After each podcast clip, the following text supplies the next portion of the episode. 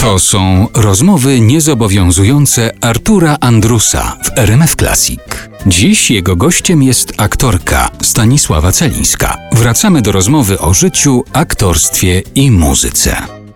Jeszcze wracając do tego śpiewania Stanisławy Celińskiej, też znalazłem gdzieś taki cytat, taką pani wypowiedź. Miałam zapędy operowe.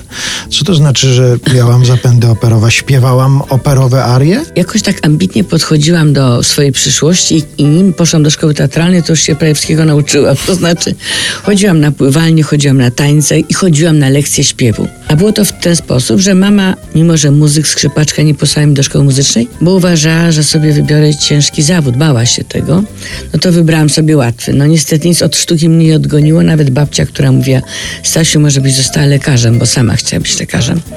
No ale ja jednak teatr, teatr, jeszcze miałam takie wahanie przed maturą, a może fizyka, bo moją taką postacią, takim idolem była Maria Curie-Skłodowska, bardzo mi się podobało jej uporczywe szukanie radu. I tak pomyślałam sobie, że może fizyka, ale potem poszłam do teatru, to pomyślałam, to łączy jednocześnie taki mój umysł bardzo analityczny i dociekliwy z ruchem, bo ja byłam bardzo żywą osobą i wybrałam ten zawód. Ale nim poszłam do tej szkoły teatralnej, no właśnie to postanowiłam troszeczkę się poduczyć różnych rzeczy, więc chodziłam na jakieś tam kółka, byłam w Pałacu Młodzieży razem z Andrzejem Sewerynem, chodziliśmy na, na zajęcia do pana Kamińskiego, który już nie żyje, zresztą wspaniały aktor i dużo nas nauczył. W pewnym momencie też postanowiłam, bo mama mnie nie posłała do tej szkoły muzycznej, się sama nauczyłam troszkę grać. Mama tylko krzyczała z drugiego pokoju, Stasiu, tam jest bemol, tam jest krzyżyk, a ja grałam bez tych znaków. I poszłam na egzamin takiej szkoły e, drugiego stopnia e, na Górnośląską, że ja chcę pouczyć się na fortepianie. Pograłam, pograłam. A niech pani nam coś zaśpiewa. Zaśpiewałam, a nie chciałaby się pani uczyć śpiewu? Ja wiem, no pewnie, żebym chciała. I uczyłam się u profesor Heleny Warpechowskiej śpiewu operowego, e, gdzie śpiewałam różne konkona, wakaje, różne ćwiczenia, nawet sopranem, nawet mezzosopranem.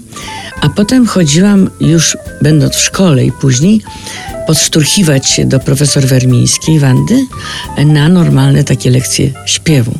Co to znaczy podszturchiwać? To znaczy, ona to kto nazywała, tak, że raz na jakiś czas przyjść, poćwiczyć troszkę, mhm. żeby ten głos się, e, żeby sobie przypomnieć pewne rzeczy, pewne zasady.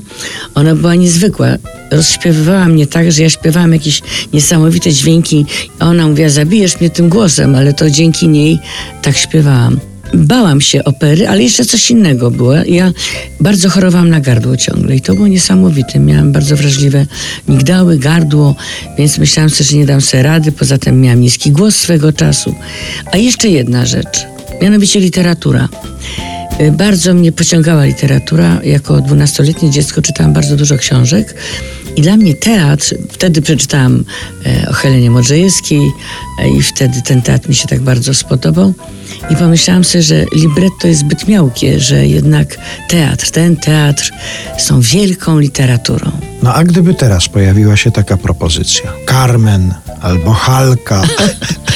Nie, no to myślę, że nie, że nie, że to wolałabym posłuchać, jak ktoś pięknie śpiewa, a ja już zupełnie jestem gdzie indziej. Śpiewam bardzo prosto, bez wrzasku, bez, bez wibrata zbyt dużego. I już się pani nie podszturchuje? Jeżeli to sama, to znaczy y, sama mam, ćwiczę, bo tak jak mówię, że nieskromnie może trochę, że z aktorstwem bardzo się już uporałam i dużo umiem.